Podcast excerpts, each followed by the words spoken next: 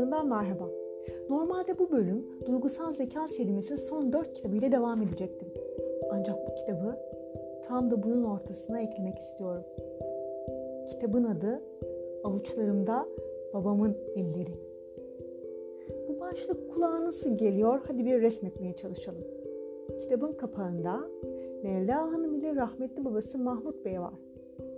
Kitabın üst dokusu nostaljik.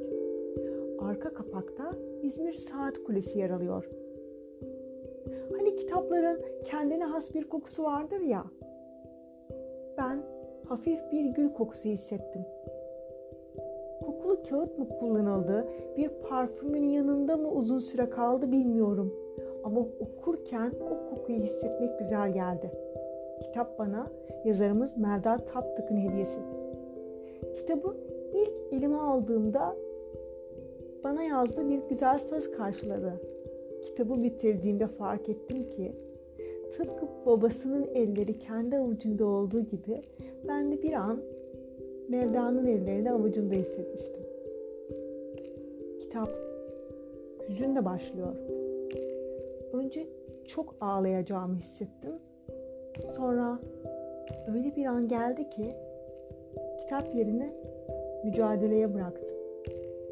Hayatın anlam arayışı, yılmazlık, empati, ev halkına liderlik, koordinasyon, ekip yönetimi, farkındalık için alınan eğitimler, bir şeyi yeri ve zamanı geldiğinde bırakabilme, akışta olma, sürekli yeniden bir hayat kurabilme azmi ve bunu başarma içgüdüsü.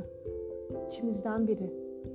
Kadın ve erkek ilişkilerine bakış açıları, nesilden nesile yetiştirilme tarzı ve bunların tam göbeğinde bir hastane yöneticiliği.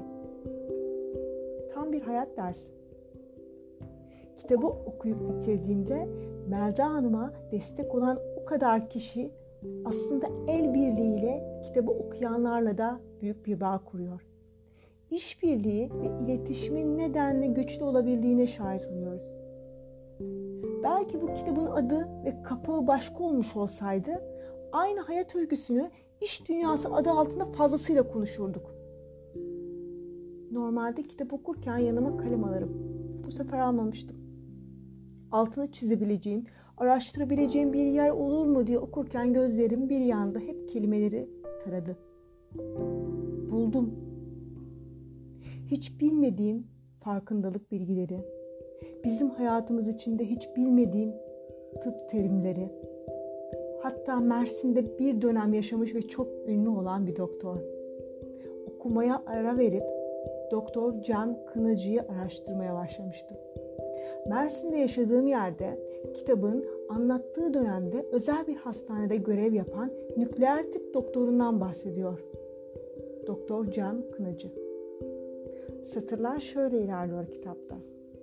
Yaptığı araştırmalar sonucu yıllardır aldığı eğitimlerin katkısı ile aşılardaki ağır metallerin çocukların vücudundan atılamadığını tespit etmiş.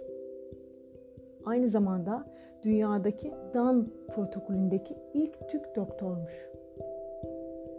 Gurur duydunuz değil mi? Bilmeyenler için bilgi düşeyim.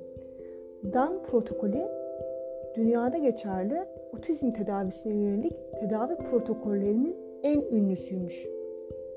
Bunu araştırırken şunu öğrendim. 27 ünlü otistik ve bilim adamı varmış. İnternet dünyası en ünlü olarak 27 kişi seçmiş.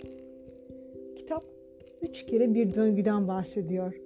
Bu döngü bir nesne aslında. Hepimizin evinde, çeyizinde, küçük ya da büyük yer alıyor. Artık onu her gördüğümde aklıma bu kitap gelecek. Şimdi gelelim en güzel yere.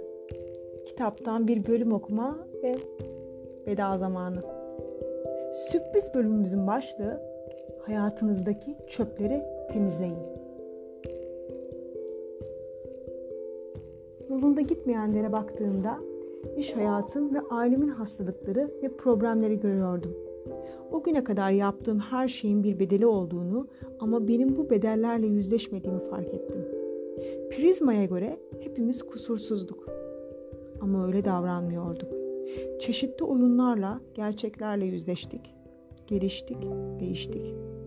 Bu eğitim bana keşke dememeyi öğretti. Artık hayata kendimi seven biri olarak bakıyordum. Duygu ve düşüncelerimle yüzleştim.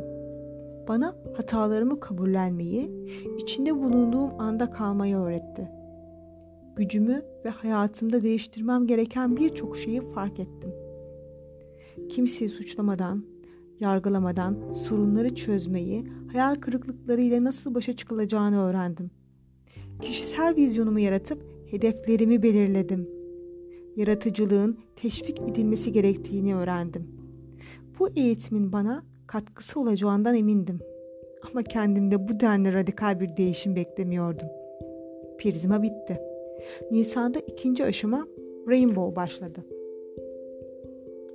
Rainbow, sahip olduklarımızın kıymetini bilmek üzerineydi.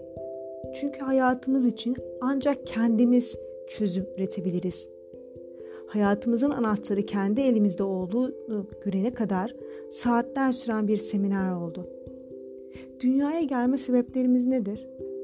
Hepimiz buna benzer iç benliğimizde yapılan eğitimlerle buna ulaştık.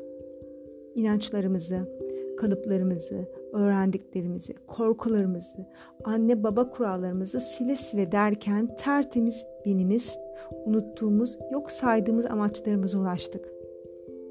Benim anahtarım ben özgürüm. Şarkım ise Leman Sam'ın buğulu sesinden severek dinlediğim rüzgardı.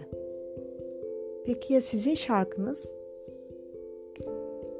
Bahar'ın kitaplığında bu bölüm sona erdi. Bir sonraki bölümde görüşmek üzere. Hoşçakalın.